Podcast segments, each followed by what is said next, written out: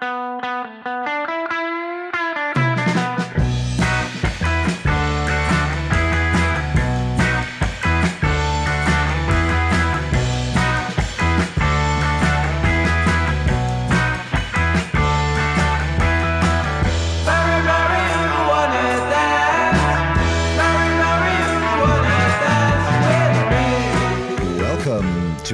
to High Tea with Derek and Rens, a podcast about cannabis culture. My name is Derek Bergman. And my name is Rens Hoppenbrouwers. This episode is sponsored by Seedstockers, affordable cannabis seeds for home growers, available at seedstockers.com. We are delighted to have a very, very special guest in the High Tea podcast studio for this episode, all the way from Canada, Hilary Black. Welcome to the show, Hilary. Thank you, gentlemen. It's a pleasure to be here. You are here for the, uh, the the big cannabis conference that the National Coffee Shop Union PCN is organizing here uh, in Eindhoven tomorrow. Uh, so you have been here, uh, I think, two days now. What's your impression of the city of Eindhoven? Oh, it is lovely. I find the people so far very warm. I've been standing around a couple of times with my phone trying to figure out where I am on my Uh-huh. map, and somebody has come up and said, Are you looking for something? Can I help you figure out where you're going? I've managed to not get hit by a bicycle, which it always takes a minute to figure out the flow of traffic when you come to Holland. Um, but it's very beautiful, and I love the fashion. The women here are so styly. Much it's much more casual in Canada, but also everybody manages to wear running shoes, sparkly running shoes, flashy, sexy running shoes with your dresses or your jeans or whatever you're wearing. You still have like comfortable footwear, so you can boot around the town. Oh, it's interesting. Yeah. Yeah. You, you have founded Canada's first, uh, very first medical cannabis dispensary, the BC Compassion Club in uh, Vancouver, back in 1997, or I say 99. Yeah, 97. Yeah? Okay. Before that, you worked at the legendary Positronics grow shops of Bernard Bruining, and more recently, you worked for Canopy Growth. So a true cannabis veteran. Uh, with a unique insight, I would say, into the cannabis scene uh, in Canada. We will obviously focus on Canada in this Canada special, but we will first discuss the biggest cannabis news stories that uh, we uh, had since episode 66. The German health minister presented the cornerstones for the planned legalization of the adult use cannabis on October 26. And here in the Netherlands, Bulldog founder Henk de Vries is suing Red Bull Energy Drinks for 49 million euros as a starter. And the growers who are taking part in the Dutch weed experiment have asked the government for more support to tackle all the practical problems and issues they are facing. And, uh, and as always, you can listen to our regular segments What's in Your Joint Today, the History segment, The Old Box, Listeners' Responses, and the High Tea Podcast Kweekhoekje, our homegrown segment. This is High Tea with Derek and Rens, episode 67. Welcome, everybody, again to a new episode in English again. Yep. Uh, so, um, yeah, I say, uh, Simon, let's start with the first uh, Segment. segment.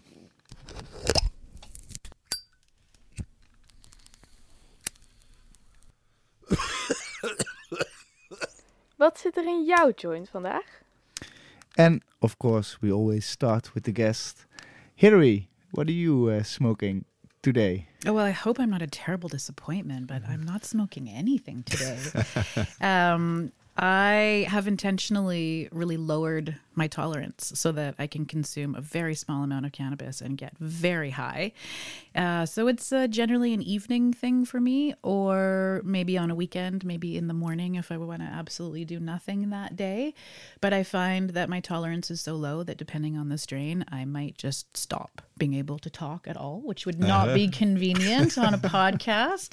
But I consume cannabis and then I like to play with my dog or dance in the kitchen or hug my boyfriend. It's uh-huh. not something that is functional for me anymore. It's just strictly for playtime. And this podcast is serious business. So Absolutely. so nothing in my That's nothing in my joint today. When you say consume, are you like a, a joint smoker or a vaporizer, an edible person? What, what's your favorite way of consumption? Uh, I have all of the tools and vaporizers at home, but I am a old school joint smoker. Yeah, Yeah. you tend to uh, to have that too, eh? Yeah. Rens, What about you? Do you have something uh, to smoke? I, I think you do, eh? I, I really have uh, s- uh, something really nice, and uh, I went yesterday all the way to uh, France to get something. Uh, Now I was I had a really nice weekend in uh, Barcelona, and on the way back we stopped in France to uh, drop off uh, my friend La Mhm. And um, yeah, I had some. Uh, I, when I when he when I left, I, I, I grabbed some nice sunsets uh, for. Uh, it's almost a staple on the show. yeah, if if he has a new badge, I always uh, very eager to uh, to Sunsets. get yeah to what get a, some what a great strength. And um, so, so there's no better weed to start the day with than the sunsets. Totally, it's also good for the show, I'd say. And uh, to me, the I I actually bought some uh, in between wheat, as I like to call it, because uh, we get into that uh, with the high tea podcast Kweekhoekje, of course. But it's uh, harvest time. Eh? Croptober is uh, is gone, so a lot of people, I think, are, are trimming uh, or have trimmed. So for me, it's I'm waiting for my own uh, homegrown weed to get dry enough to smoke. But pretty much all the other wheat is is gone. So then I have to get some in between wheat. So I went to like a local coffee shop and they had uh, blue gelato on the menu, which is if you look at uh, you know the original hybrid, is very interesting. Should be very good. But uh, well, it's not. So I was uh, going to smoke it on the show, but when you came out and said, "Hey, I have some French, uh, some French weed," I'm uh, smoking sunsets as well. So there's a big smile on my face, and uh, I hope all the listeners also have something nice to uh, to smoke or vape on Yeah, or nibble. I have to say that blue gelato is the the most terrible gelato I ever seen in my life. Also for the listeners, please watch out if there's a name like for example blue or red or yellow or Uh-huh. whatever for with gelato there's only a number behind it. It's Oh, for yeah, the, s- 41. the, the, the, the, pheno and um, maybe it's been crossed but most of Mhm. the time at this time if you find any blue gelato you, you can mostly know it's from uh, Barney seeds Uh-huh. and it's probably a good critical. Anyways, we go to the news segment.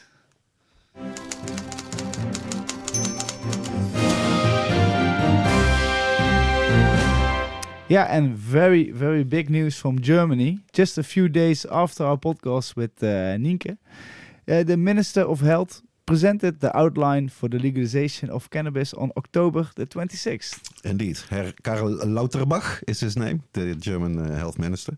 I watched, uh, they, they streamed it live, the press conference.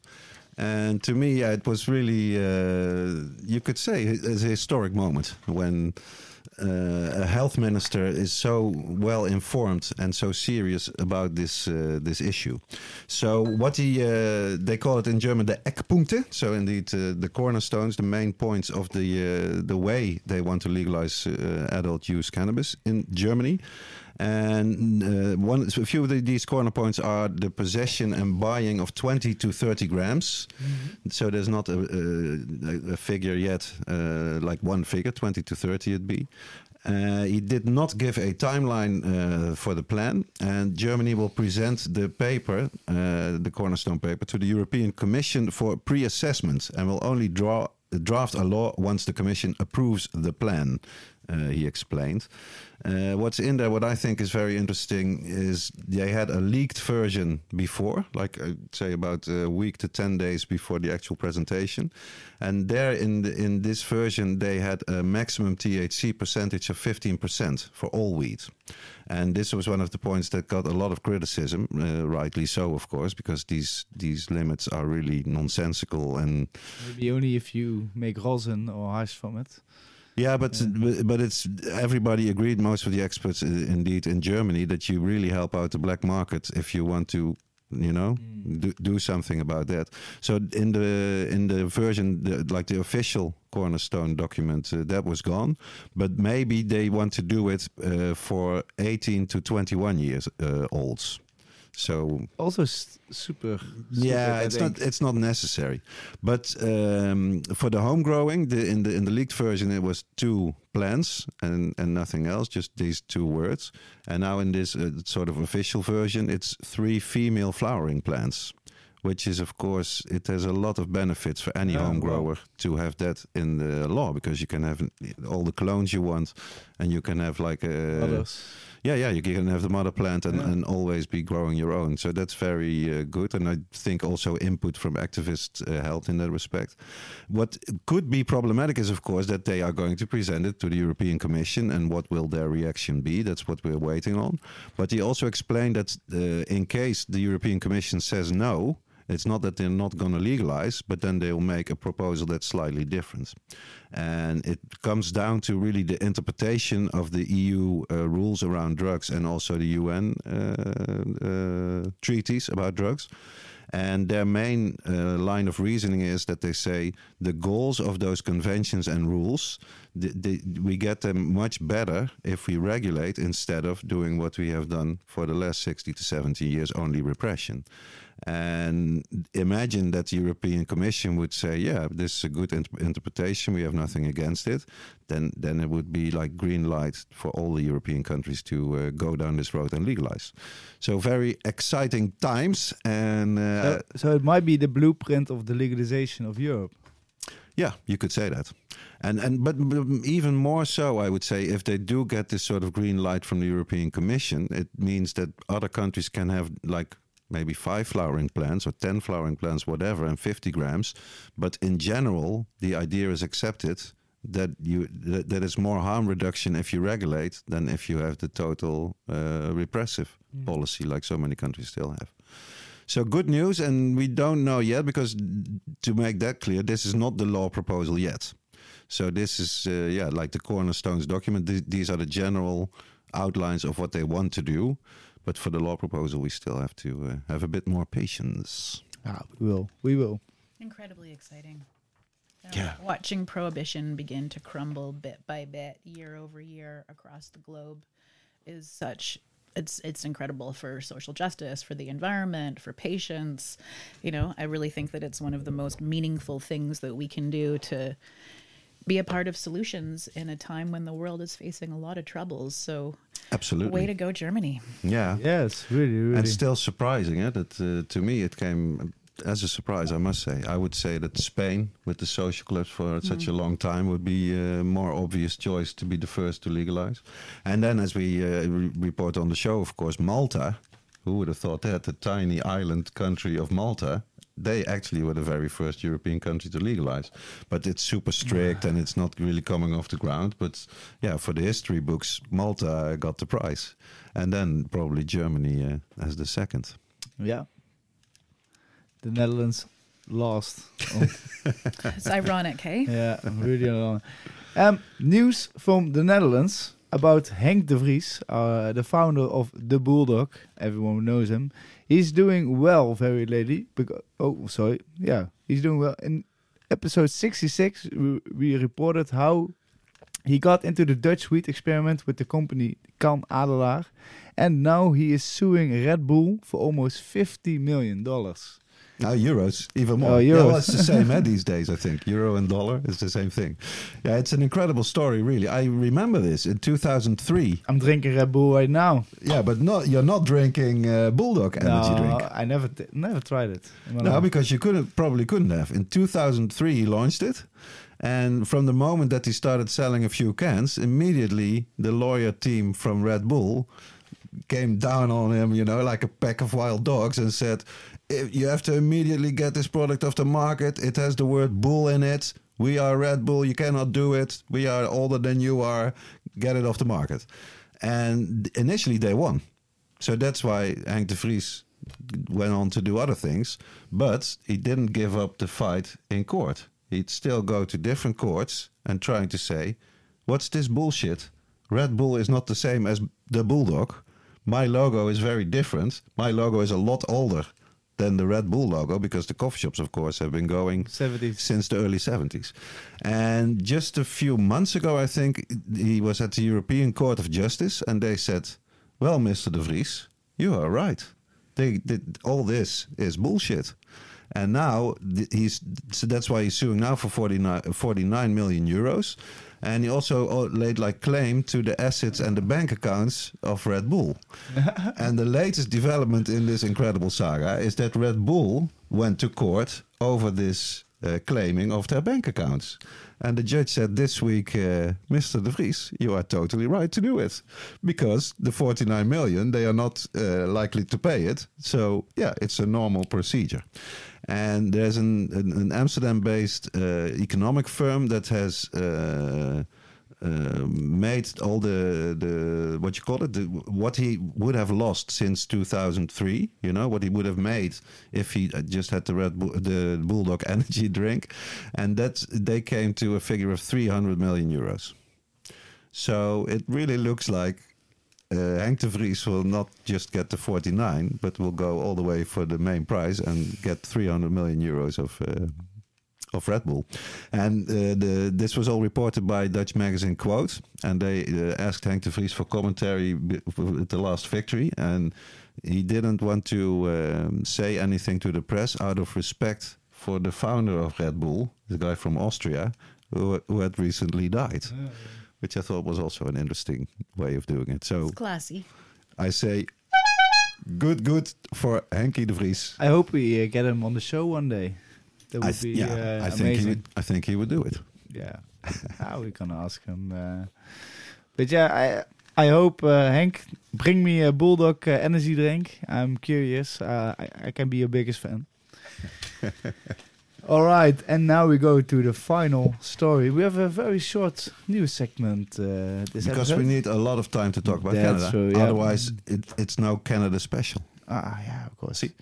Our first, our final news story is about the Dutch wheat experiment, and it's no news that there are kinds of delay and that the growers are facing practical problems. Yeah, we all it's it's how it goes uh, since the beginning. I yeah, think. they can't get a bank account. They have trouble finding a location because, like, local uh, politicians and authorities don't like the idea. Uh, but they are now facing new uh, challenges, you could say, since the war in Ukraine. Energy prices through the roof, building so, materials yeah. gone up. Hard to get staff in any kind of uh, economic branch, but also just for building. So.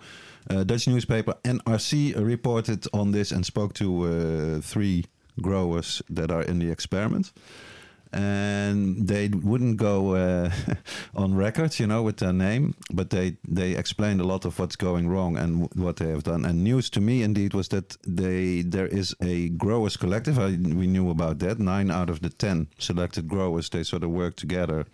And one of the appointments they make is that they don't talk to the national uh, press, while it's still also yeah, it's all very touchy and very difficult. But anonymously, they, they explained and said that they wrote a letter to the responsible ministers for the weed experiment, basically explaining their problems, but also saying we would like some more support from the government. It's like you're only uh, obsessed with the original rules and coloring within the lines, as they say, and not on helping us to make this experiment uh, a success. And the, the ministers, they have told the newspaper that they will inform the parliament in December about the rest of the planning of the experiment. Because, yeah, indeed, last month it was five years ago uh, that they announced this experiment, and still only one grower is uh, is producing wheat. And one of the things that they argue about or that they don't uh, agree upon now is should we already start uh, with the experiment if not all the 10 growers are ready to produce the wheat. And it was also reported in the paper that they don't really, some want to do it and some don't want to do it because, of course, there's a sense of false competition. If, yeah, uh, but I think also like the. The, the the experiment has to be succeeded, or has to be has successful. To be success, yeah. So if they have only one supplier, mm. and that's one supplier is not uh, growing well enough, then they don't have any choice, and then the experiment is automatically a fail. So they have to wait at least for six companies. Yeah, yeah so I think that's that's what will be happening. I think that's the be- only the best uh, solution, and for everyone, also for the coffee shop owners, they they also don't want to get wheat all from one company. Nah. You know, then no Pedro can uh, sell your coffee shop and buy uh, and open a cigarette store. You know, if you want to buy do that. So. Um, I think it's best for all to wait. It takes long. It's it's incredible how many patients. Uh, the, the, That's the it. How long can the, you know, how long can it go on? And indeed, the, the funds are. They need. Yeah, it's incredible. Uh, yeah. The headline, the headline on the front page of the NRC newspaper was something like, "Will there ever be legal weed in the Netherlands?" You know, like almost the, the Ah. desperate kind of a. I'm still positive. Question. I'm uh, like the you know all the good things has has ta take some time to work out, and uh, in a few years we don't even think thought about think about all the time we've waited f- before. I'm sure about that. Yeah? yeah, yeah. yeah. So uh, have some patience. All the growers are really busy, trying their best, doing uh, all the things they can, and uh, I think the end of 2024, the will End of there. 2024. That's my uh, hope. Yeah, your hope, but also your expectation. yeah, yeah, uh, so um, I think um, that wraps up the news a bit, or do you want to continue about? Uh, no, no, let's dive straight into uh, into Canada and into uh, Hilary the, Black. the world and journey of our uh, guest today, Hilary. Uh, we'd like to, because we have the time on the podcast, We'd like to start at the beginning. So, could you tell us a bit about uh, yourself as like a child growing up? Where, where, and what kind of an idea should people get of your your childhood? Hmm.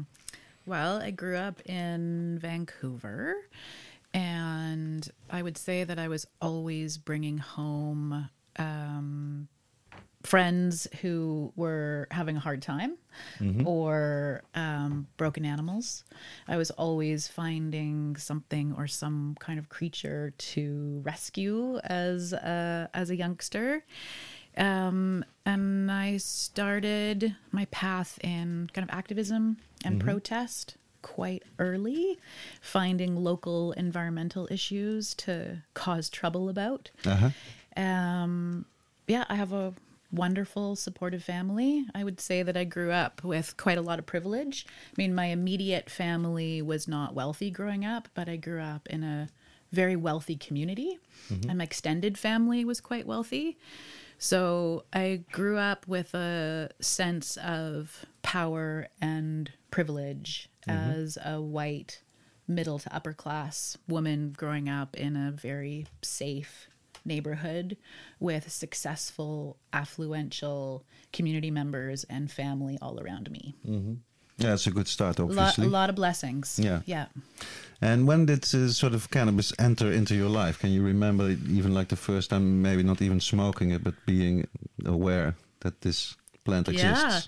Yeah. Um, I had a friend in high school, Dan, whose parents were international hash smugglers. Um, Dan's dad eventually got busted with basically a freighter full of hash in the Vancouver harbor.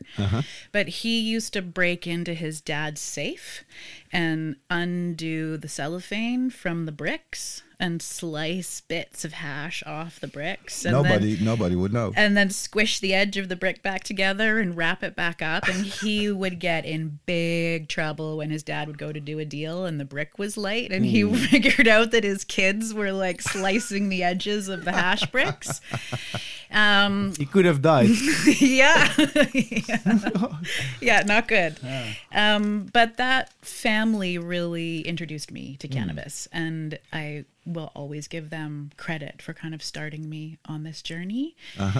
Um, and the first time that I ingested cannabis was at their house because they were kind of the cool parents that let kids come over and consume cannabis or have a beer in the basement so they keep their eyes on them.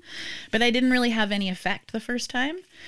The first time that I got high was at a Motley Crue concert. And I remember very distinctly. I was in grade 11. I was quite a nerdy student, like a real overachiever in school. So I didn't start consuming cannabis until uh, kind of halfway through grade 12. I think I started consuming So what age would that be? like 17. Yeah. yeah. Started consuming a little bit more regularly. Uh-huh. Yeah. And then it was the, I would say, hash from from your story, or was it weed back then? Uh, it started with hash. Yeah. Yeah. Wow. Same. Yeah, Same, same. and that's not co- you- that's not common for No, no, like West hear, Coast. Yeah, you hear so often from the from the states and from Canada that it- it's it's much more uh, wheat because it's so much uh, longer distance to get the hash from the traditional producing countries. the Nepalese hash that we Hmm. purchased yesterday that I consumed some of last night, which so I'm a bit tired today because I ended up staying up quite high in my hotel room last night. But it reminded me a Good lot. Nepalese does that. Uh huh. It reminded me a lot of that that kind of hash that I first was introduced to. Uh huh. Yeah. Yeah, the old school. uh, yeah. So at one point you you end up in Amsterdam. So I was wondering how did you when you were quite young? I think. Yeah, well, I graduated high school and promptly um, ran away on Grateful Dead tour. Uh, it was the last year of For the very young listeners who don't know what who the Grateful Dead were, Yep, yep. yeah, they're, they're like a total. Uh, well, you explain. oh god, how do you explain the Grateful Dead? I mean, the they were almost like it was almost a I don't want to say a cult, but I mean, the following the Grateful Dead was like a incredible journey that probably Uh-huh. hundreds of thousands of people committed to Yeah. over their life. American bands, Jerry Garcia, Mm-hmm. psychedelic sort of space rock kind of music, and yeah, like you say, the the, the fans they were called Deadheads, and yeah, like real a- real hippie culture. yeah, Yeah.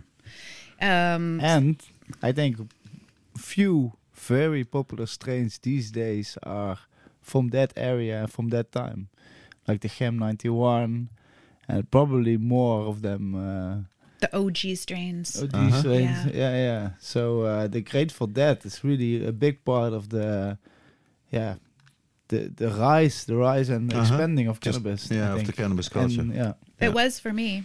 So I went. Um, I went to a couple of shows on the West Coast, Mm-hmm. uh, Oregon and California, and then in California I was supposed to drive home with my friends, and instead I got into the bus of the people parked next to me, and drove to Vermont. Across across the country.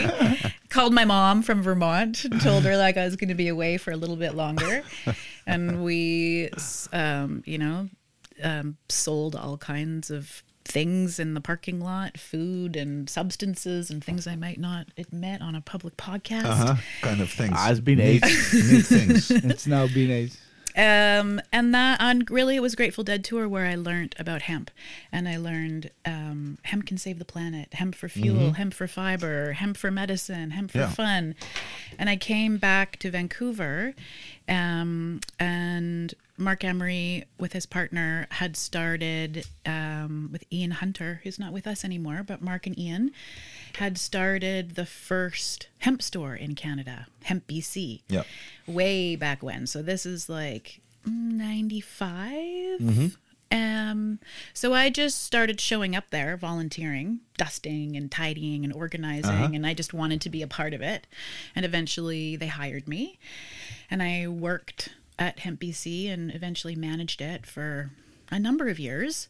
Uh, and I learned about Todd McCormick, who ah. at that time was in federal prison the first time and I started writing him letters in jail, just like activist support. Mm-hmm. And we became very fond of each other. Uh-huh. And when he got out of jail, he moved to Amsterdam. And we then would talk on the phone. This is actually before email, believe it or not, and definitely before like FaceTime. Yeah. Um, and he convinced me to leave my job managing Hemp BC and come and live and work in Amsterdam with him Okay. and I'd actually never met him in person. Wow. And it was just long distance. And I thought I was in love. And so I moved to Amsterdam Oh, wow. and met him for the first time in the airport. And we moved in together. And he was working on a magazine at the time. Um, so we hung out at Positronics all Yeah. the time. That was Yeah. our local place. And he was really good pals with some very smart, influential people, with um, Robert Clarke uh-huh. and Michael Rich and Old Ed. And we would sit around and talk. And that's when I learned about cannabinoids and they did different things and uh-huh. had different effects. And eventually, Bernard hired me, Uh-huh. and I was a Canadian. I didn't speak Dutch. I didn't have an EU passport. Some of the other people working there were not that keen on the special favors that I was getting. Uh-huh. But I worked in the cantina. So they, you know, served snacks and lunch and Yeah. also sold hash and grass and had a MediWeed program. And was And sold clones, I remember. I was lucky enough The to clone uh, library. visit quite a few times. And uh, I must say that most grow shops in these days, like say the middle to late 90s, were all- all special. And most of them are gone now. But you just get uh, growers and have like comfortable seating Yeah. and have coffee and smoke joints and talk about plants the whole day. Yeah. And then at Positronics, because it was in Amsterdam and the very first, even the first grow shop in Europe, yeah, you must remember it as well. People came from all over, and it was such a special um, experience to to have that. And then tragic for for Werner to lose the company because basically uh, his employees stole it uh, from underneath. You know, I was heartbroken when you told me that Yeah, last night. yeah. I didn't know that that's how the history unfolded. and no, typical for Werner because he cares not about money. You know, so then yeah, he was he didn't see it what what was going on. Yeah, too bad. Well, he by hiring me, he kind of changed the direction of my life in that I got to work. I was I don't know, 20 maybe, mm-hmm. and I was distributing hash and grass and it was totally normalized. Yeah. And it was this environment where like prohibition didn't exist. You're not hiding it. That's not under the table. You're not all sneaky. You're not scared. You're not feeling nervous. It's just like completely normalized. Yeah. And that experience, I took that back to Canada with me. Because what made you uh, go back?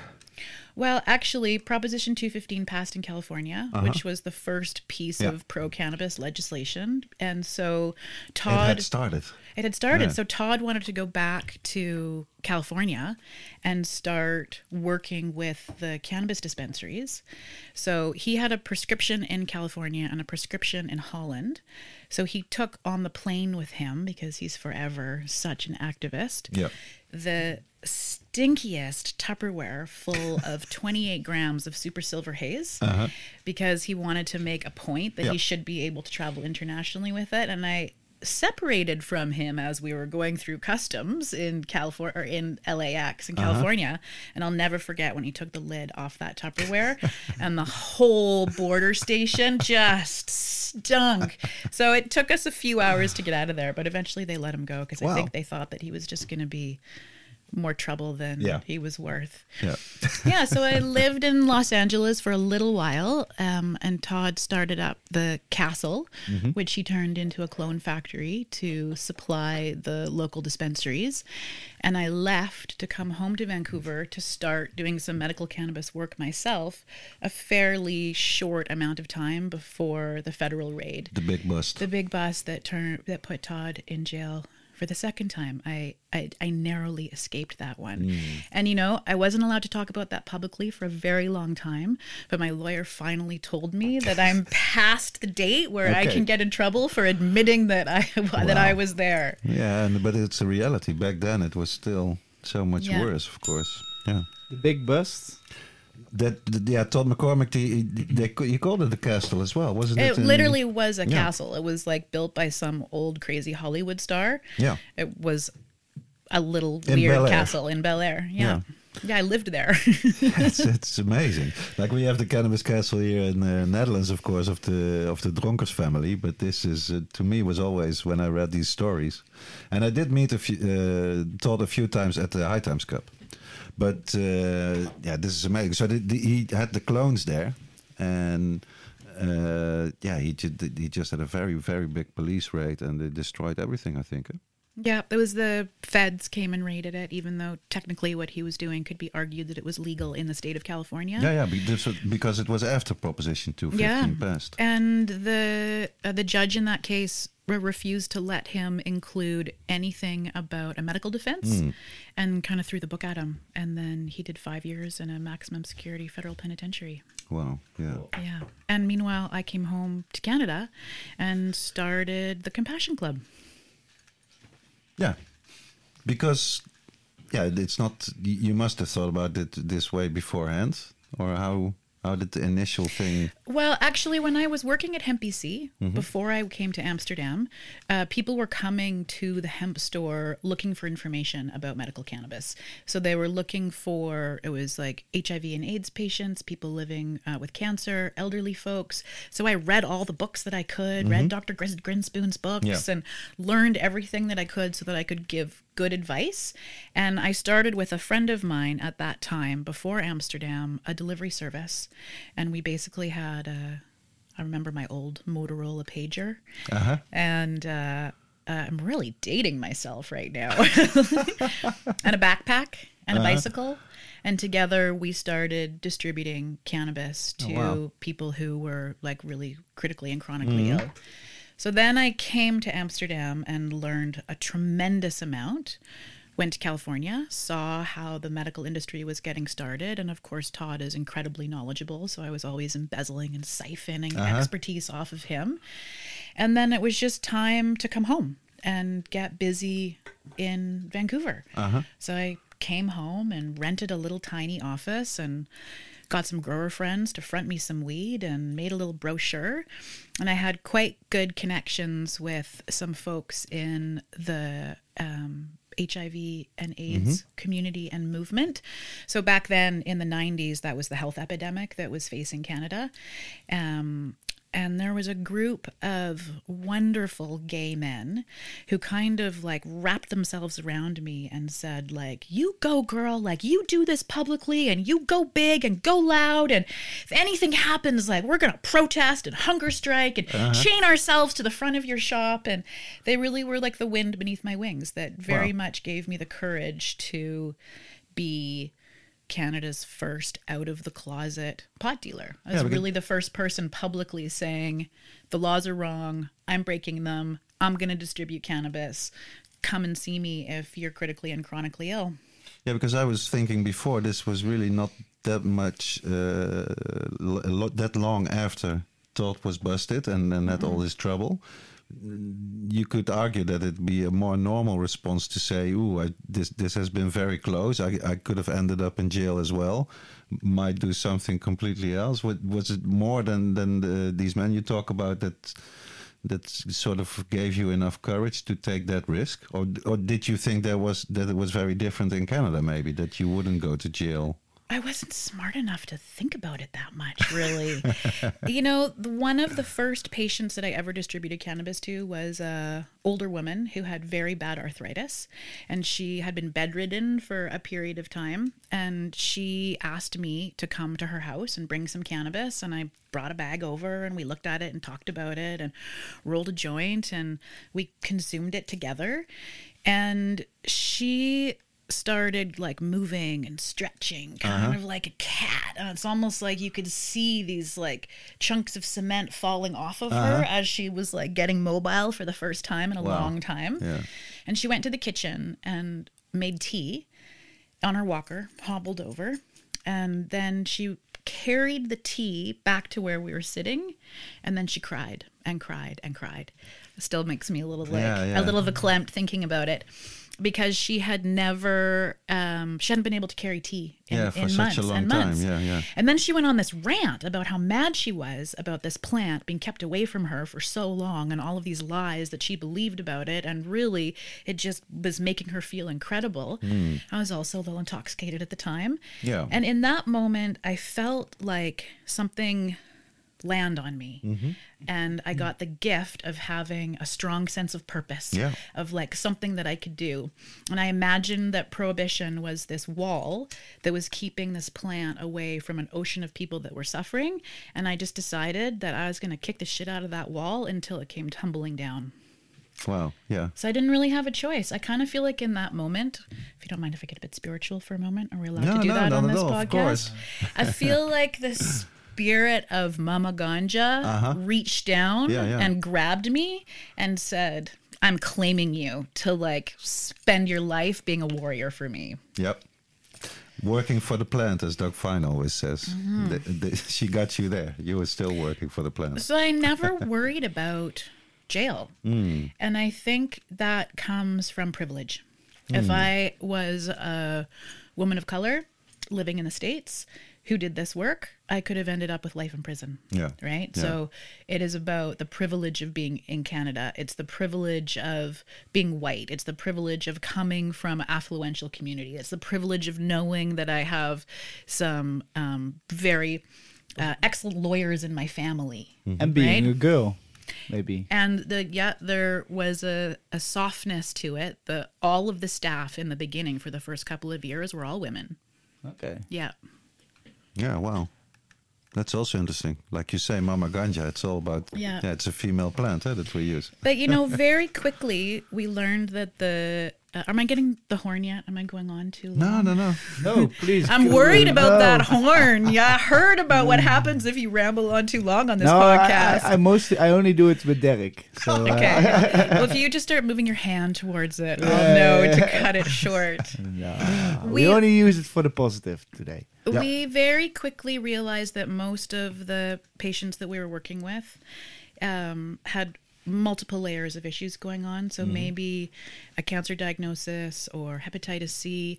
Some would also have a layer of a mental health issue, and many were living in dire poverty. Right, mm. so we had some very affluential folks. You know, it was all all the spectrum of society was coming, but some were really marginalized and had a lot of hardships in their life. And so we started a wellness center.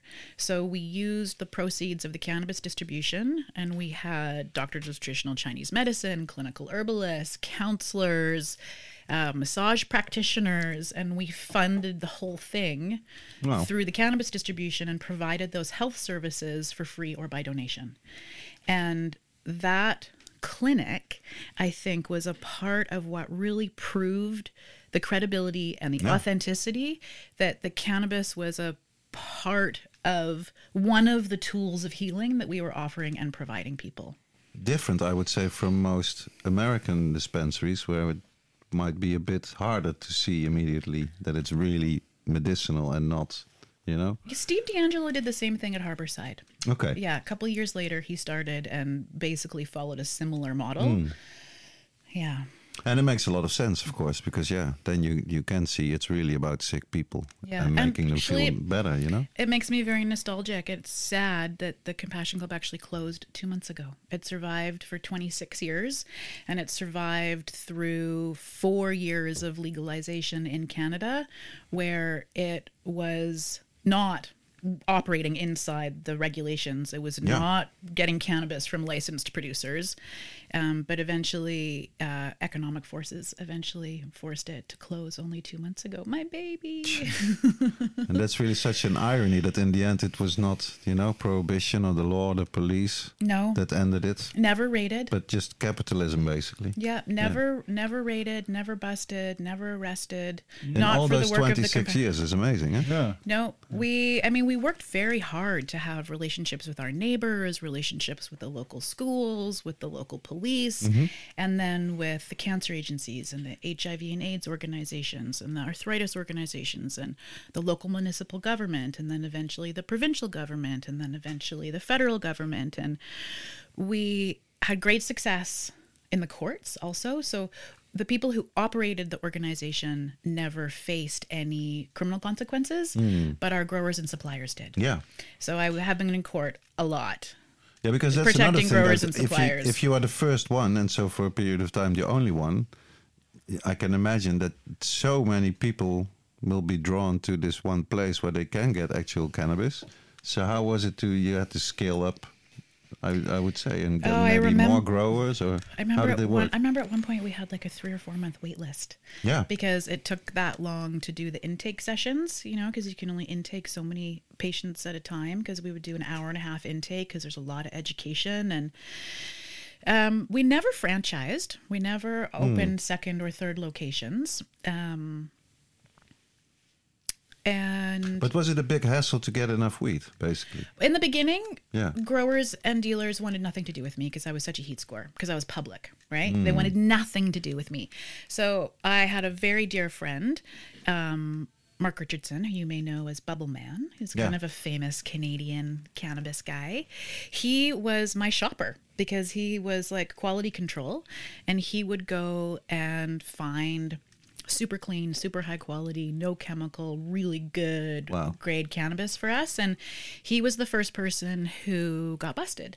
So he got busted with I don't know a couple of kilos and I think eight or nine thousand dollars, and we we went to court, and um, that was the first time that we went to court to defend a supplier. Yeah. and we brought the patients out who came and testified about what we were doing and we had pretty stringent requirements for how to become a member. It wasn't a free-for-all. Um, and that court case judge parody he ruled that the compassion club was akin to a local neighborhood pharmacy that it was not a recreational drugstore that it was serving the community in a very meaningful way. And the best line ever um, the cannabis has to come from somewhere. It's not going to fall out of the sky like manna from heaven. and he um, gave Mark basically. We had already pled guilty, so this was in just in the sentencing part because we were saying yes, we did this. Yeah. So gave him a suspended sentence, which means like no consequence really. And the coolest part was he ordered the cops to give us the money back, which never happens. We got the bank back. but that case What, became what year was this? To put it in perspective. uh, 98. Okay. yeah. 99 maybe? So maybe 99. Indeed, I think the, the law changed uh, for medical in 2001 Yeah. in Canada. Yeah. Yeah. So, So we were in court a few times before that, Yeah. defending growers, and the Richardson case was the cornerstone case law of starting to have uh, the judicial recognition of the um, necessity argument around access to medical cannabis, and Yeah. all of our other supplier cases were built off the Richardson case, and eventually that body of case law became the foundation of the challenges at the higher courts that Kirk Tousaw and John Conroy and all of the other awesome lawyers in Canada fought like hell to force our government, kind of force the government like kicking and screaming and dragging and pro- and protesting to start implementing a medical system. yeah. Because this was before Trudeau. Eh? Yeah. Yeah. Yeah, this was in the Harper era. So, Yeah. conser- more conservative government, Yeah. but still they were forced to start Yeah. with the medical. Yeah. And every time the courts made a ruling, the government would do like one little inch, Yeah, yeah, right? And yeah. not do a bunch of the other things in the ruling. They'd have to go back to court and like Uh-huh. force them to do more. So back then in the beginning, 2001, it was essentially patients could grow their own. Mm-hmm. Right. Um, and then eventually they argued that this is not adequate. They need to be Yeah. able to get a supply. And then there was one government supplier, Prairie Plant Systems. They grew cannabis down in a deep, deep, deep mine because, you know, it's so dangerous. and then it wasn't until 2012 that we got um, permission for there to be more licensed producers. And that's when the first oh, wow. big, So that took 11 years to go from one to more producers. Yeah. Wow. I think that's Yeah, right. but in the Netherlands, we, we are still Yeah. waiting, eh? The- True. we- th- that's interesting that we uh, we legalized medical cannabis the same Yeah. year as Canada in 2001. And even now, we're talking 2022, we only have Bedrocan. There are all kinds of. Uh, Yeah. They are sort of trying to get one or more extra growers for the medical, but it's not working. Like uh, Aurora is also trying to get in Yeah. for the medical uh, cannabis. But in some way, they have to start over the procedure and whatever. Still, no decision.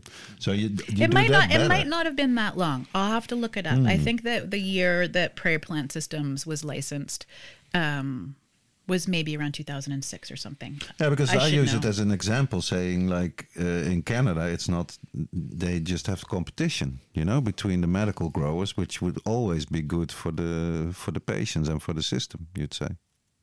No, but uh, before we get into into the politics there, uh, so. Um, how long did you work at the at the Compassion Club?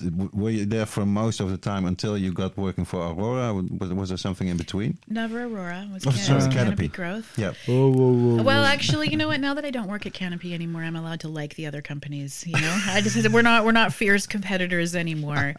uh, I was there for about 15 years. Okay. And then when the first big 12 licenses were granted, and the landscape of uh, medical cannabis was changing. And suddenly, bigger companies, corporations were starting, big licenses were being given out. Uh, I decided that I wanted to shift and work in the corporate world. Um, I wanted to be where the power and equity was. I wanted a seat at that table. I felt like I had a responsibility to have a seat at that table and to have as much influence as I could. And I took a lot of grief. I fell hard off my um, sort of activist pedestal. Yeah. And, you know, social media was cruel. And some of my old colleagues in the cannabis world were just terrible to me. You're a traitor. Yeah, I was a big trader. Yeah. Um, but I always knew that they just didn't understand my strategy and that I believed in wanting to create change from the inside. Yeah. And that one of us had to be at that table.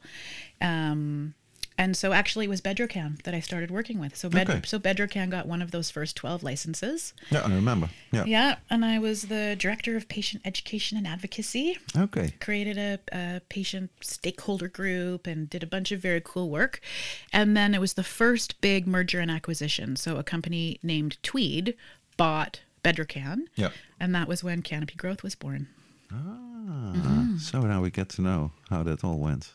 That's in, I never knew that actually. Yeah. That Me it's- neither, yeah.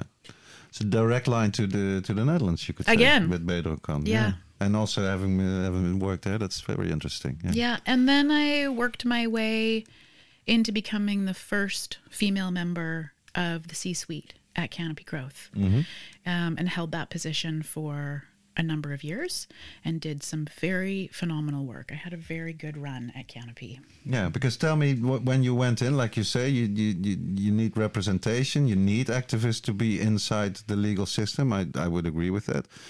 What were sort of your your ideas or goals or things that you wanted to prioritize from your own background as an activist? Well, in the first couple of years was prior to recreational legalization. Mm-hmm. So it was a lot of physician education. Yeah. And that was really exciting working with like a sales team of people that were going in and talking to doctors all over the country and to be able to um, help advise around some of the content. And i created you know a patient handbook a guidebook for helping to teach patients how to dose really carefully and how to avoid the cumulative effects of edibles. And you know took all of our practical experience and made it a formula and made it simple. I worked with two other patient organizations to create a patient stakeholder group, and we forced the government's task. So the government had a task force on legalization that mm-hmm. toured the country, interviewing all kinds of stakeholders and interview and, and experts to, to decide what the recommendations were to how to legalize for recreation, and they weren't meeting with patients, and so we kind of forced them to Yeah.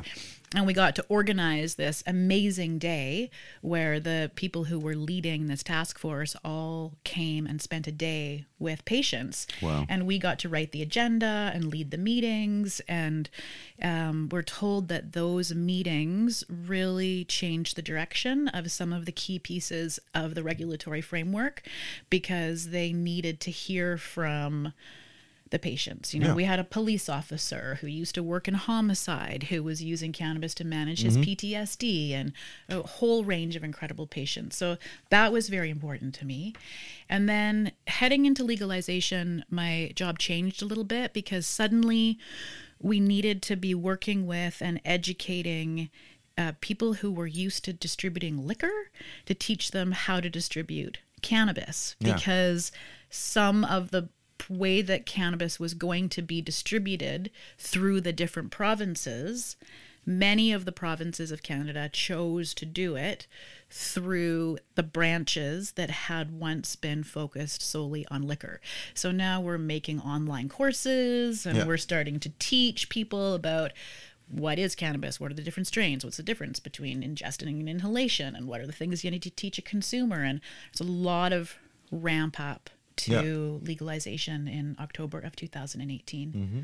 Because you could, in every state, you could order it uh, through the internet. I think from the beginning, or not? Yeah. Yeah, for, like from through, uh, through these for, for the for the medical for uh, in the medical framework, you were always ordering online or ordering over the phone.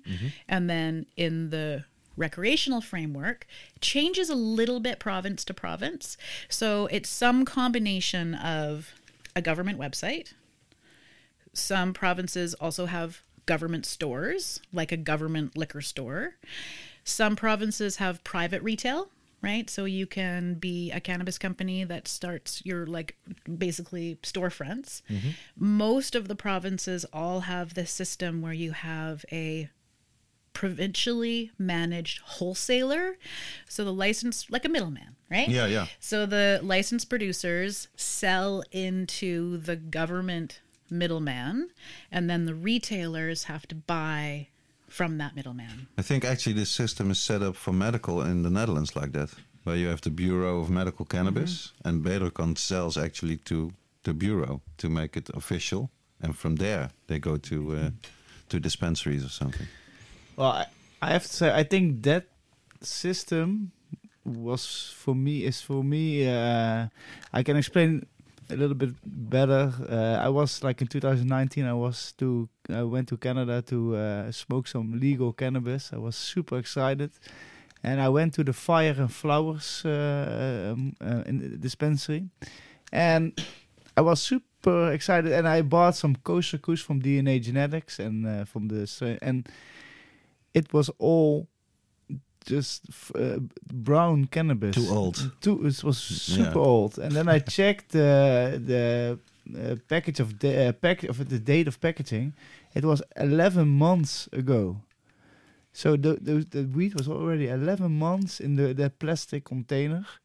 And uh, the, the the shop owner of the guy who worked there, he excused him for it, but he said, yeah, the the waiting times at that middleman to also to test all the cannabis Uh-huh. takes so long that yeah, this is the the weed we get. So uh, Because now I think there are different problems with uh, the regulation in Canada that there's more like overproduction. Or what would you say? Um, did they change it? The system? I mean, it's it's improving. Okay. I'd say there's like incremental improvements. Um, I do want to go back at some point and talk about some of the very cool things that I got to do at Canopy that Yeah, yeah, I'm that I'm proud of the company and myself for doing. Um, but if you when you want to start talking about some of the problems with legalization, also, what what interested me is also like, uh, okay, so you had the medical from 2001. Were you like surprised that it took until t- 2018 to legalize adult use? Did you think it would come sooner, or were you I surprised that it didn't think I didn't think it was going to happen under At the all. under the conservative government that we had, right? But there's there's no constitutional argument to require legalization of recreational use where there is a constitutional argument around the access Yeah, yeah, for, the for medicine, medicine, right? yeah. So then Justin Trudeau, he ran on it as his election platform. Right. So he said, vote for me. I'm going to legalize cannabis. He mobilized the youth vote and won the election. Yeah, he pulled it off. Right. Yeah. He pulled it off. and then he, and then he followed through on it. Okay, so you Yeah. were you were surprised that it did come in 2018. You could say. I yeah. was I was glad that Yeah. we got there. Yeah. Yeah. Okay. Enough of criminalizing people and ruining lives over this plant. No, well, indeed. Before we, we get into that, to, to keep it in a in a good chronological uh, order, you, you you explained also uh, with the patients and getting the patients together Yeah. with the policymakers is obviously very important, and I think it never happened in the Netherlands. What are other kinds of uh, projects and campaigns, maybe like that? Um, well, I pitched to my boss that he should level me up in the company um, because there were very few uh, female leaders, not just in my company, but across the whole industry. So when we were a movement, the face of the movement, there were a lot of women who Yeah. were supporting patients, taking on the risk. And when it became an industry overnight, it was primarily white men who Yeah, were who were who were leading who were leading all of these companies. So they're in the positions of power but also equity right? They're in the positions where they're getting big chunks of equity in these companies that are all starting to go public and also the big fat salaries right? And so it was not diverse in terms of um, you know, uh, people who are brown and black, but also in terms of uh, uh, women, right? So I told him that, you know, it was time for us to start working on our diversity, equity, and inclusion work inside Canopy, which has really become like a, a, a common theme that companies and the and company the companies are trying to work on, you know, because the face of the companies, especially the ones that are starting to make some money in the states, and it's not reflective of Yeah. well i mean basically the people who have been disproportionately punished by prohibition black brown indigenous are disproportionately excluded mm. from the benefits of legalization Yeah. right and people companies have taken a lot of criticism there's a lot of heat on it so most cannabis companies have a diversity program to make sure that the the it- the, the, the staff and the leaders have some diversity and also do some kind of social justice programming Yeah. right? So i got that program started inside canopy and eventually hired somebody who knows a lot more about running diversity equity and inclusion mm-hmm. in the corporate world than i do but we got i spent a couple million bucks over the years on some incredible social justice initiatives working with a grassroots organization in the us who's working on record clearing. Um, we did some great patient organ pa- patient partnerships in canada working on uh, physician guidelines. And in fact they're going to be published in like a couple of weeks. This is a project that i started four years ago. Uh-huh. Uh, with the Canadian AIDS Society, and they worked with many of the best physicians across the country to do the most comprehensive clinical guidelines for physicians around all different kinds of pain, whether it's cancer pain or chronic pain or arthritis pain or acute pain.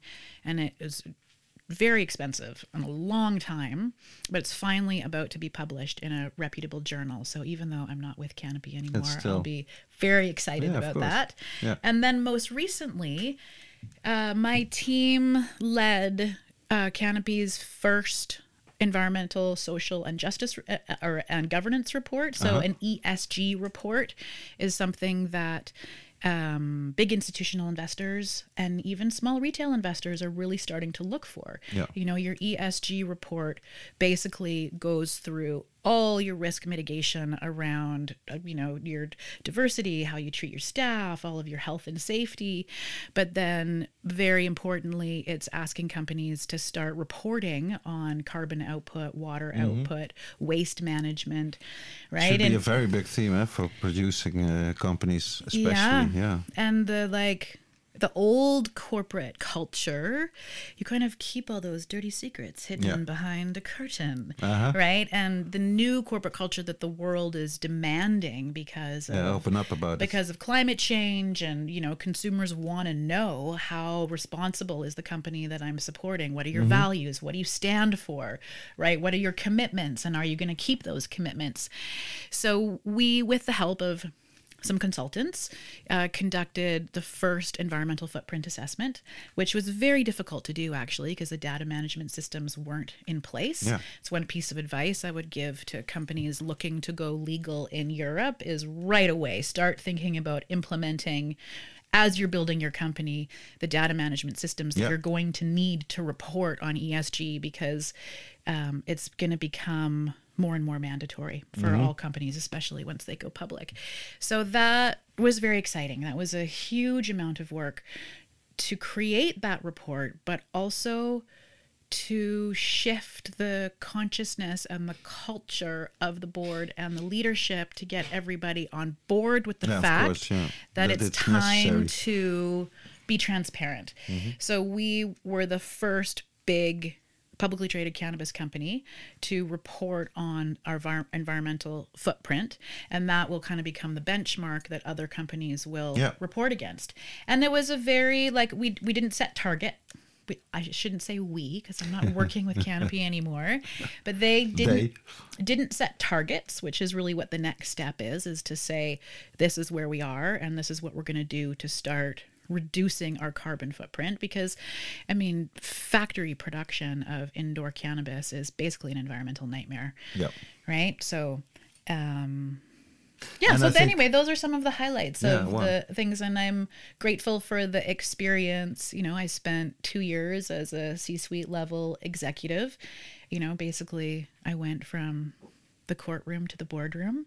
I, ma- I made I made that journey, and Yeah. I learned a tremendous amount. And the original leadership at Canopy um, were incredibly supportive. They really valued my input.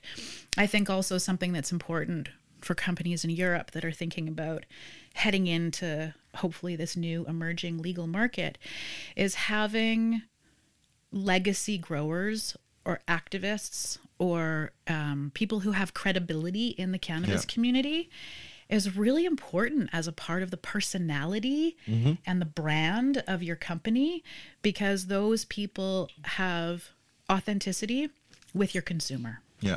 Yeah. right Yeah, yeah. It's it's very interesting to see how that pans out in the Netherlands with the with the weed experiment. I think it's already happening a bit like that. The smarter companies they do realize this, of course, and hire people that uh, have been active a long time.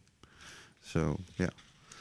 Um, yeah, let's uh, where, where we left off before this, uh, saying what's good about the, the regulation and legalization uh, for the adult use in Canada and what's not so good.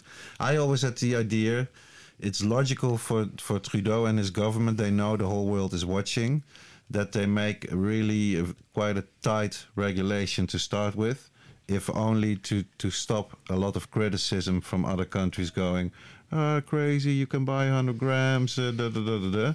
Do you think that that was behind it? And can you explain a bit about that? Like, how did they do it and what did they get right and what did they get wrong? I think that um, there were some compromises in order to sell legalization to the conservative parts of our government that still had a fair amount of power w- when you know in, in Trudeau's cabinet um, and in the in the our, in our House of Commons and in the Senate there are still the kind of law and order old school people that had power and so they had to find some compromises Yeah. right I mean there's a brilliant bureaucrat named Eric Costen who led the task force that toured the country and then they all got locked in a room for a week and tried to narrow down all of this conflicting Yeah.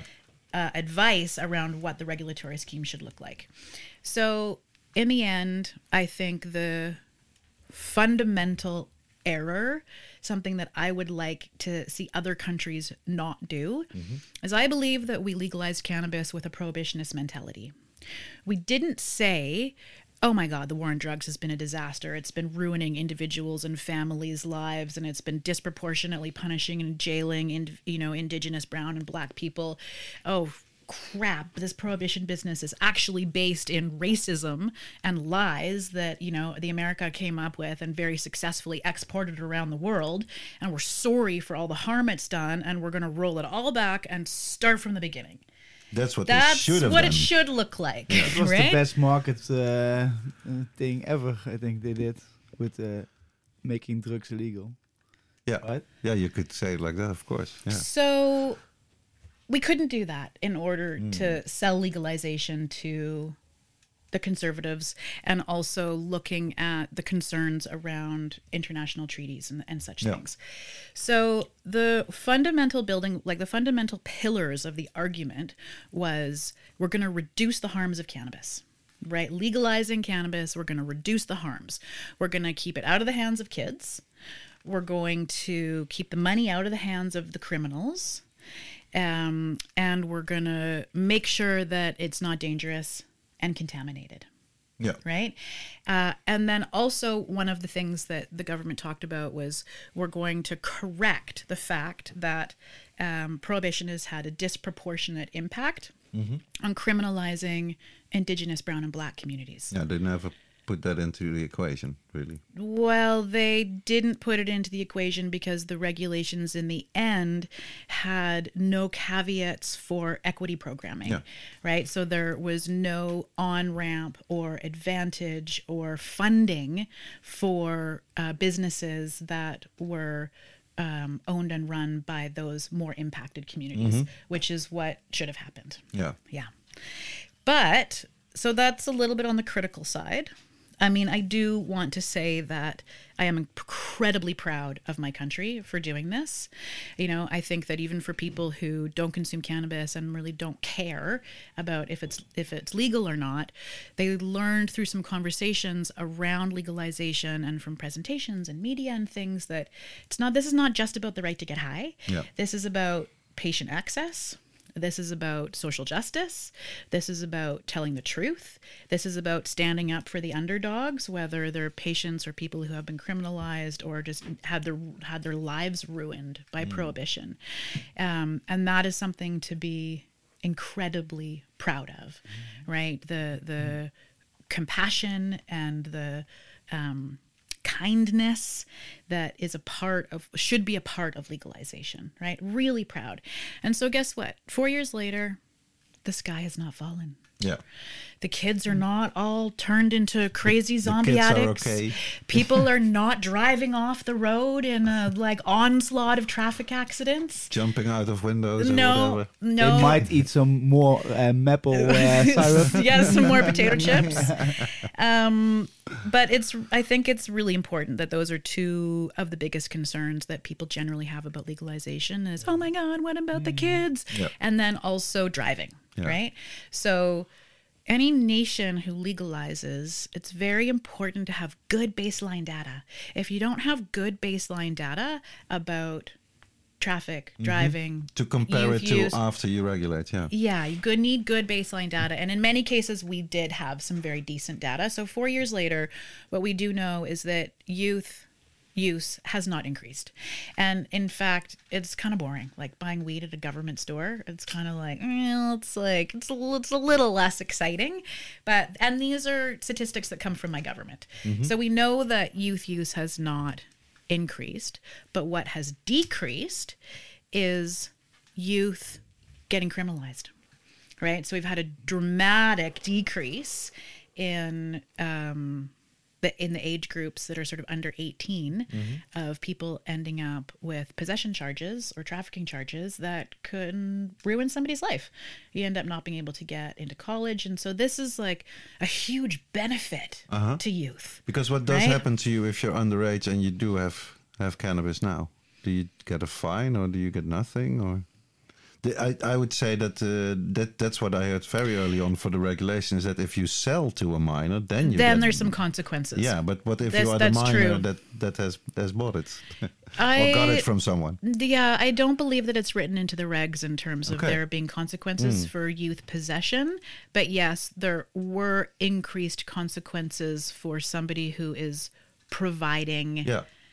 I mean, there was a lot of concerns about like if somebody was 18, so legal to possess, if they passed a joint to somebody who was Yeah. 17 and not legal to possess, that then they could fall under this increased Yeah, yeah, yeah. penalty.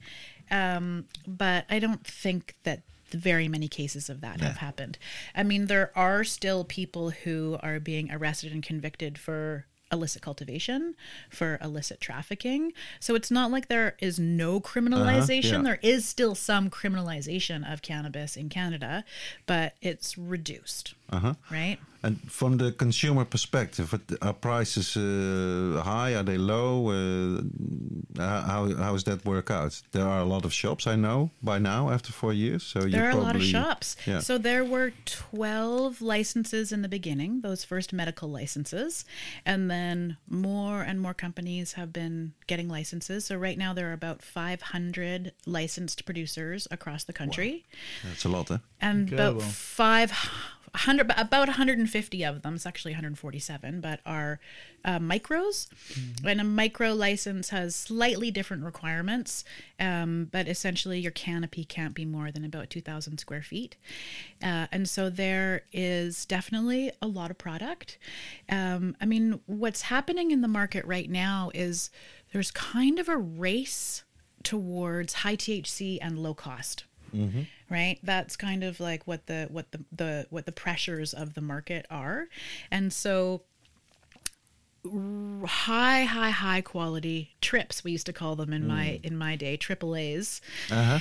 um But that, that, the- that's, with the that still that still has that still has like a, a premium price. Yeah, that's so that surprises me Because you could argue that uh, if you have so much more uh, variation and legal production, people would maybe tend to go more for a very good terpene profile, you know, not so much just the biggest bang for the buck, as they say. I think that there are definitely those sophisticated consumers who But that's what the they're looking for. Um, what I know from what the statistics about the market is telling us in terms of what people are consuming and are purchasing the most of is people are looking for high potency Mm-hmm. and low cost. And that's not that's not how I shop. You know No, I don't yeah, I don't need the su- the super super strong. No. but um you know there are some kind of like fundamental issues that need to be resolved right? So while i'm very proud of my country for what we've done because we legalized still with a prohibitionist mentality the industry is overregulated and Yeah. overtaxed right? So in the beginning there are these huge barriers to entry to be able to get into the legal market Yeah. right? You needed a huge amount of capital to be able to build a facility that was like fort knox. And all of the um like because it's so over overly regulated the operations are expensive Yeah. because you have to report on all of these things. Everything is very specific about the way that you have to do things to follow the regulations. There's these tax stamps that have to go on the packages that are different if your package is going to different provinces. Like just the operations are hmm. expensive. And the amount of surveillance that's required and security and measures to avoid diversion where we're basically treating cannabis like I wouldn't say quite like plutonium, but maybe like a dangerous virus. Yeah. They're very expensive, right? And so the costs of operations are very high because of the overregulations. And then the taxes are incredibly high, right? So the fed- there's a federal tax, there's a provincial tax. I mean, there's a huge amount of media in Canada right now because the regulations are going through a review process. Yeah. And what producers, especially smaller producers, are saying is that we're all going to be dead in a year if you don't stop taxing us to death. Yeah. Right. And so, with the over regulation, the stringent, stringent regulations of the way that the people are producing and operating, all of the reporting, and um, it creates advantages for the unregulated market Yeah. right? Because they're not policed in the same way in mm-hmm. terms of having to spend money on all of this hypervigilance, you know? And I think that that brings up another issue that I think fundamentally we got wrong in the beginning that I hope that other countries will not get wrong is this notion of competing with the illicit market, mm-hmm. right? That the regulated market has to compete with the illicit market. If we can move to a place where we can be progressive enough with our thinking, where we can think about creating an inclusive market as much as possible from the beginning, mm-hmm. you know, I'm not saying that hardened criminals should be included, but No, if but you. it's, a, it's a very important point. But if you have a record for cultivation, possession, or distribution that's not an insane amount, this should not keep you out of the unregulated market because the the barriers that we put in place that kept many legacy growers out, Out of it, yeah. out The- of it in the the, new beginning system, yeah. those huge barriers that were like you need to, to have um, uh, QPICs, quality people in charge. So these are like very, very highly qualified, extremely expensive people that have to like be in the room as the batches Uh-huh. are moving Wow. through the facility. um, just the incredible uh, amount of capital that's needed, like I said, to build up the facilities and build out all the Uh-huh. Yeah, and security. this and- reminds me so much of how the weed experiment is set up. You know, it's basically it's not that you need a whole lot of capital up front, but like you say, if you want to adhere to all these rules, it's expensive. that makes it expensive for Yeah. the personnel and for the way you have to build your facility and all this. So in the beginning, it was an advantage for the companies Yeah, that the were able ones. to move quickly, write out your standard operating procedures, put these huge, complicated, very in-depth applications in, um, and those were pieces of operating a cannabis business that some great old school quality growers couldn't they, they, they couldn't check those boxes right? Now all of those requirements are basically eating the lunch of the licensed companies. So the things that were an advantage in the beginning for bigger players to be able to move quickly to get these licenses are now costing so much that companies are a lot of companies are losing money. Like very few of the big companies in Canada are reporting profits, right? And some of the losses are like in the hundreds of millions. So the markets have dropped out, right? Like um Canopy traded at 70 bucks a couple of years ago and now Not I think anymore. now I think they're at about 4 right and there's just not a huge influx of investment into the space anymore because because of these issues But of course, I would say the expectations were also too, you know, inflated in the beginning.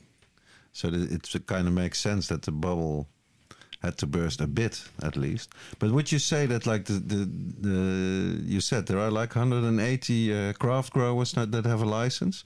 147 Okay, but uh, can- mi- micros we call them Yeah, and can they uh, can they survive if they if, if they would not change too much on uh, with the rules after this evaluation well, process? the um, I mean, the Craft Growers Association is yelling very loudly at the government right now Yeah. and saying, "Here's four or five things that you need to change in order for the small businesses to be able to continue to survive." One of them is about taxation, and the other ones are just some kind of simple procedural changes that would just make it a bit more affordable to be able to operate the businesses. But what's interesting is the micros and they came on the scene a bit later right like Yeah. the regulations happened in phases we had flour first then it took a year and then we had like edibles and concentrates and hashes and other things and then slowly they started working out the the classification and the licensing requirement for micro- micros yeah. so the micros were really struggling to get into the market but actually kind of like craft beer you know like smaller production smaller batches Yeah. a different kind of quality than maybe what you discovered or what can come out of um, factory Yeah. factory production. Uh, and just this year, the micros are now responsible for supplying more than half the market Wow. right so they they call themselves the like i, I see some uh, banter online about the micros being ankle biters Yeah. but yeah. they're like slowly slowly slowly slowly getting more and more market share and um, the bigger companies are getting less and less and less market share right so like the three biggest companies a year and a half ago, two years ago, they were all kind of like between 30 and 40% of the market. And now they're all like under 10% of the market. Yeah, yeah. Yeah. Wow. I'm also very curious about um, the native people because, uh, for example, the the statistic, statistics, how you say that? Statistics. the statistics.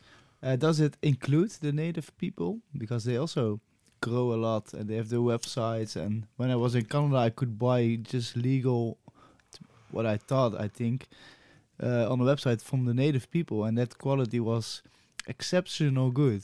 Okay. So Yeah, there, really good. there are a couple of um, First Nations and Indigenous um, licensed producers, but it's complicated in Canada because we have uh, issues around sovereignty, right? So there are uh, First Nations and Indigenous communities that they're on land that um, really should should be theirs or has been granted to them and they don't recognize it's because it's a concept of nationhood they don't actually recognize the governance of the federal government.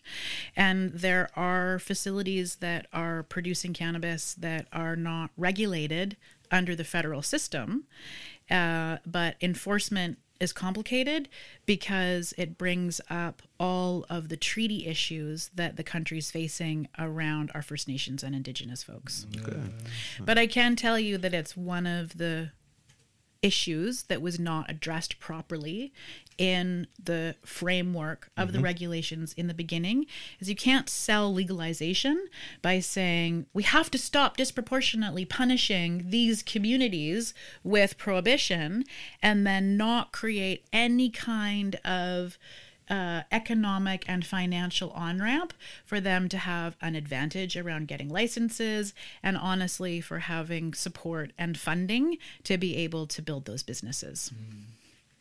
It, it's interesting that in in the European and the Dutch context, you, we never talk about that really. The more affected never, they people. never talk about. And I was also because it, it could be that the the way that we have handled it, especially in the Netherlands over the last 40 to 50 years, is not so much mm, geared at the consumer and, and throwing them in jail. That might be, or the small dealers are not so much there because we have the coffee shops, but it's never included in the discussion uh, here, even in Germany. And I think in Germany, what we talked about before, like what is your uh, ecological uh, uh, thing if you grow, you know, with all the electricity costs and all this. I think they're starting to do that in uh, in Germany, to, to you know to to to yeah to keep uh, track of that also, like you explained. Yeah, I mean, I think that it's very smart for companies to think about it as early as possible Yeah. because the longer you wait, the more expensive it becomes to do the work, right? And if you can build some of those systems into your, um, can build some of those systems into your company from the beginning, then you have those processes set up, and as your co- as your company grows, those systems can grow rather than having to backtrack. Yeah, right? yeah, and and also. I would say that cannabis consumers would like to know that the company that they're producing cannabis from has some um, morals and values around yeah. uh, carbon, you know, carbon output and how polluting they are. I think that is, I think that is climate anxiety becomes a part of our shared psychology, particularly for youth, that And companies for sure. Yeah. companies that are not authentically and in a meaningful way addressing their impact are going to lose consumer loyalty you know Yeah. and one of the other challenges that I would like to talk about in the Canadian market is that we set it up with no branding, no hmm. advertising. It's very plain packaging, right? And I I can understand from a public policy from a public health policy perspective why they wanted to do that. You know, it's the same way that our cigarette packages are not allowed to have Yeah. any kind of Same, branding yeah. or anything anymore, right? But the problem is that I couldn't educate customers anymore. So the basically the regulations work in a way where you get to have very little communication with your consumer as a producer, right? Because it's all considered advertising, basically. Yeah, all considered Yeah. advertising. So the retailers, you know, at the point of sale, they can do some education, but I couldn't create pamphlets and brochures and put them in the package that say, okay, this is an edible product. I recommend that you start with two and a half milligrams. Oh, yeah. Make sure that you know what that feels like. Wait a whole day. Don't cumulatively dose. This is how you should step it up incrementally. We couldn't put that kind of content in the packages Hmm. Yeah, anymore. that makes no sense, eh? No, and I think that cannabis consumers would like to have a relationship with the producer or distributor that they're getting cannabis from, right? They want to know what are the values, what do you stand for? Yeah. I think that those are all lessons, not just for the Netherlands, but really for any country that uh, goes down the path of legalization. Uh, one more thing is that, uh, like you said, the evaluation process uh, has just started. Four years of legal uh, adult use cannabis in Canada. Do you think there's like political will enough to actually make the regulations a lot better and to listen to the industry and to the people that are uh, concerned to change? Or I sure hope so. I mean, it's hard to change laws once they're in place. Yeah. Right? Like it's so important during the consultation phase um, to make sure that the right experts are being heard from um, and to use all of your political clout and to do everything you possibly can to make sure that the legislation is written right in the first place because again it's so hard to move and change legislation w- once Yeah, it is once already it's once it's already in law and it's really tempting when it comes to cannabis prohibition to just be like oh my god i'll take any kind of legalization like yeah. whatever kind of legalization we'll take it we'll take it Yeah. right and then you're you're stuck with it, maybe. and then for you're stuck longer with it, than you like. Do you have any more questions, uh, Rens? Because I'm I'm looking at the time a bit. It's it's super interesting, but we have also some segments eh, that Yeah, we want to yeah, do we, on the uh, episode. Do you have some more? or- No, I, I'm I'm good. I'm really. Uh, it was really nice uh, hearing all those things, and also hearing the perspective of the Canadian uh, side. Absolutely. So, yeah, I think uh, all our listeners learned a lot about. So I think we go to the next segment, the old box, uh, Derek.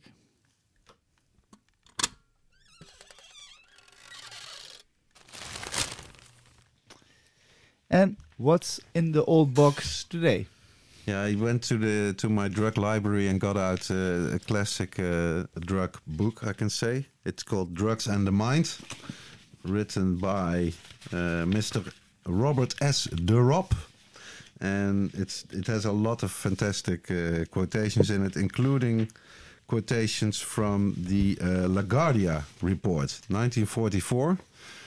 It's uh, the actual official name of- it is the report of the Mayor's Committee on Marijuana, and uh, like I say, it's published in the in the Second World War, 1944. By uh, yeah, everybody uh, seemed to have loved this this mayor uh, of New York, Fiorello LaGuardia, and he he was yeah he made a, a very he ordered a very big study. Uh, against for this new phen- phenomenon basically that that so many people were talking uh, talking about. And it was excerpted in this uh, book drugs and the mind. I'll i'll, I'll read a, a section of it. Marijuana is generally used in new york city in the form of cigarettes commonly called muggles or reefers. The cheapest brand is known as sassafras retails at 3 for about 50 cents and is made from hemp grown in the United States. Smokers do not consider such marijuana very potent.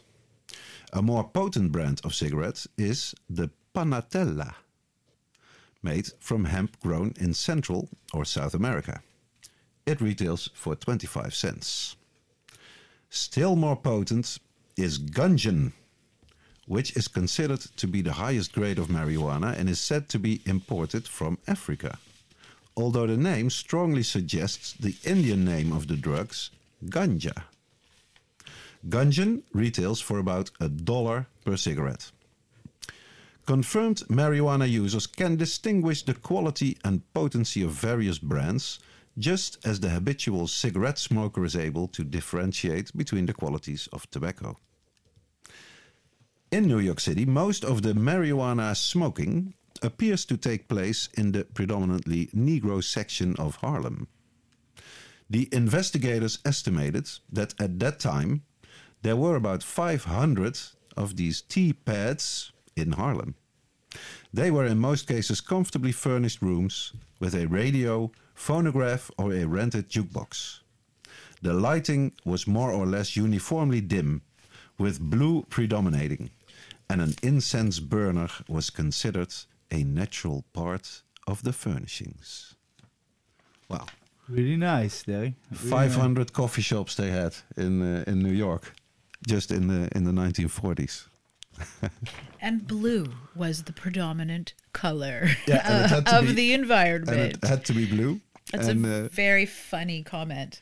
And also the panatella is I think a word that I will keep using for like not top class joint but uh, middle class joint. It's just the panatella. Yeah, you have to. It's a it's a hard word. It could be a nice name for uh, for a strain. Yeah, I think. panatella. Yeah, I I'm, I'm I was just a bit uh, making uh, a little bit work for the um, listeners, listeners' response. responses. and I say uh, Simon, hit hit the, hit that button, Hit it. hit it. And uh, as always, we ask our listeners to uh, send us some nice requests or stories or whatever you like. We always uh, like those uh, responses. And a few few days ago, we received an email from uh, from a Belgium guy. Dear gentlemen of the podcast, on one of my favorite topics in your podcast, what's in your joint today? I hear a lot of my favorite shop, the Toermalijn. I, I worked for that coffee shop. It's So- in uh, Tilburg. So that's why probably I talk a bit more about the coffee shop than. that is why I have also of that. That is why I also have the question wh- whether it might be possible to to to do a Toermalijn special. I am I myself I'm oh sorry I myself am a 23 year old Belgium and I personally think that this is really one of the best shops on the border of the country where you are welcome as non-residents in the Netherlands by the government, at least. They Yep. say. I would like also would like to thank you very much for the many hours of listening. I find them all intrig- intriguing, uh, in- Intriguing. yeah, my oh, and instructive, especially when I'm enjoying the Toermalijn on the cozy terrace at the moment in the morning. Wow. Kind regards, Sebastian. I think it's a great suggestion, really. Yes, yeah, uh, uh, it's really uh, sp- um, sparked my uh, my thought. Uh, it would be an excellent idea, of also because of the NFT project. Yep. Yeah, they just started with uh, like a digital membership where it's all uh, like in the blockchain. And the idea is uh, connecting not only just uh, coffee shops, but also like social clubs in Barcelona I want to be part of that system. They want to, form this community. It's like, it's quite Yeah. interesting. So uh, thank you, Sebastian, very much for the su- suggestion. And um, I I texted um, the Toermalijn right away. So uh, hopefully in a few weeks uh, we can do uh, like a Toermalijn special. Great. And you'll get, of course, the, the, the plant related prize package sent to his home address From Seedstockers. from Seedstockers. So, um, and for everyone, um, yeah, if you wanna, if you have a question, anything, send it over to uh, info uh, at high tea podcast and uh, high of, uh, podcast spelled with a T, uh, dot nl, or, uh, or or any comment in our uh, Instagram DM, whatever you like, and uh, we might choose one and. Uh, we we will, we'll win a nice prize package. All right. Op to het kweekhoekje.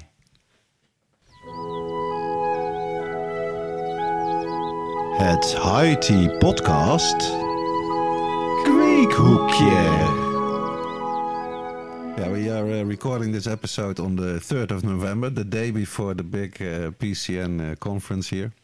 So I guess a lot of uh, our listeners who grow outdoor wheat have been trimming or are still in the process of trimming uh, their 2022 crop. So we thought we, we give you a few tips about uh, trimming, but also drying and storing your wheat. Uh, Rens has al- al- already helped me out a bit with a few uh, branches. We actually, I actually still have one plant. It's third of November, thanks to climate change. I think I don't know what it is, but it's still alive and it's still uh, in bloom, and it gives the studio a nice aroma. I think. Yeah. to- for uh, to do the show. Uh, what's always I think good advice before you start trimming is is really prepare well and make sure that everything you are going to need you have. So like your your glass jars, always store it in glass jars, that they are ready but also clean. You clean them out before, and you have some uh, material to clean your scissors because that's of course the classic thing that will uh, will happen. Your, your scissors will get clogged. So you can use some uh, normal olive oil for that, but also like cleaning alcohol, and you can rub the stuff off before you use this material, of course, to have some scissor hash, Ooh. which is good. But uh, uh, so make sure that before you start, and also that you're in a good place to do it in a comfortable uh, spot, because it always takes so much more time than what you think it will uh, uh, take. Uh, for me, a long time, I there's this uh, thing, of course, with with growers. Uh, do you trim dry or do you trim wet? And this is like an eternal uh, discussion. What's better to do? But I, It's not eternal. nah, for It me, also depends on how big your grow is. So, you know, at some point, it's really hard to trim wet if you're taking down a huge amount of cannabis at the same time. yeah. But then I, I think it's it's even it's always better to uh, do dry trimming. You think it's always better to yeah, do dry because trimming? it takes a, like some more uh, time. So the drying process is like slower. So I think that's better than if yeah, you. ne- never, never cut when it's wet. Never trim when it's wet. Mm. Because you break the, the Trichomes? No, no, no. It's the chlorophyll, the Chlorophyll. chlorophyll, Ah. yeah. and that then the the wheat tastes the dead like that, and it stays like that. Well, it has to break off first, and then when it's dry, you can trim. Mm. And I think the It's same. as easy as as wa- wet. God, I haven't trimmed in a long time. I've trimmed a lot of cannabis in my day. And you work your way into being the dryer mama, where you actually get to be responsible for moving things around and checking the batches and make sure that everything's drying just And right. did you like really hate the process? Because that's uh, also on Twitter. I see it a lot. I hate trimming. There's only one thing I hate more than trimming. It's buying weed. You know. you know, I keep just doing it. I didn't like all the sitting. It's long Yeah. days of sitting. Yeah, that's why I said a good, comfortable But you know, I have friends now who trim for um, people that have micro licenses, Mm-hmm. and it's just like a normal job. Like you go to work, you work your eight hours, and she's like, it's not like the old days where you got like paid by the pound, and the faster that you Uh. trimmed, the more you got paid, and there's all kinds of snacks and food and extras. Now it's just like go to work, trim like for eight hours, go home. Office. Yeah. Yeah, going to the office exactly. Not that romantic, of course. I um. Can we talk about trimming for one more second? Of course. One of the finest uh, growers that I ever worked with, who was a supplier of the Compassion Club, who actually has some history in Holland as well. Uh-huh. He had the trimming table. The whole table was fine hash screen. Yep. And underneath was the plexiglass trays that you pull out. So, mm. and he would be very angry if you would mess with the piles of hash underneath. And a couple times a day, he would come through and scoop it all up and separate it all out. But that was the best table for for sure. It was the one with this big screen on it. Yeah, but you really have to make it yourself. I think you can't buy buy it like that. I'm not sure if you can anymore. Can now, but back then you certainly had to make it yeah, yourself. yeah. Yeah. But that's that's a great tip if you can do it like that, of course. Uh, yeah, and that's uh, I, I already mentioned. Of course, try to keep it in in, in glass jars, and then the first uh, two weeks, I would say, super important.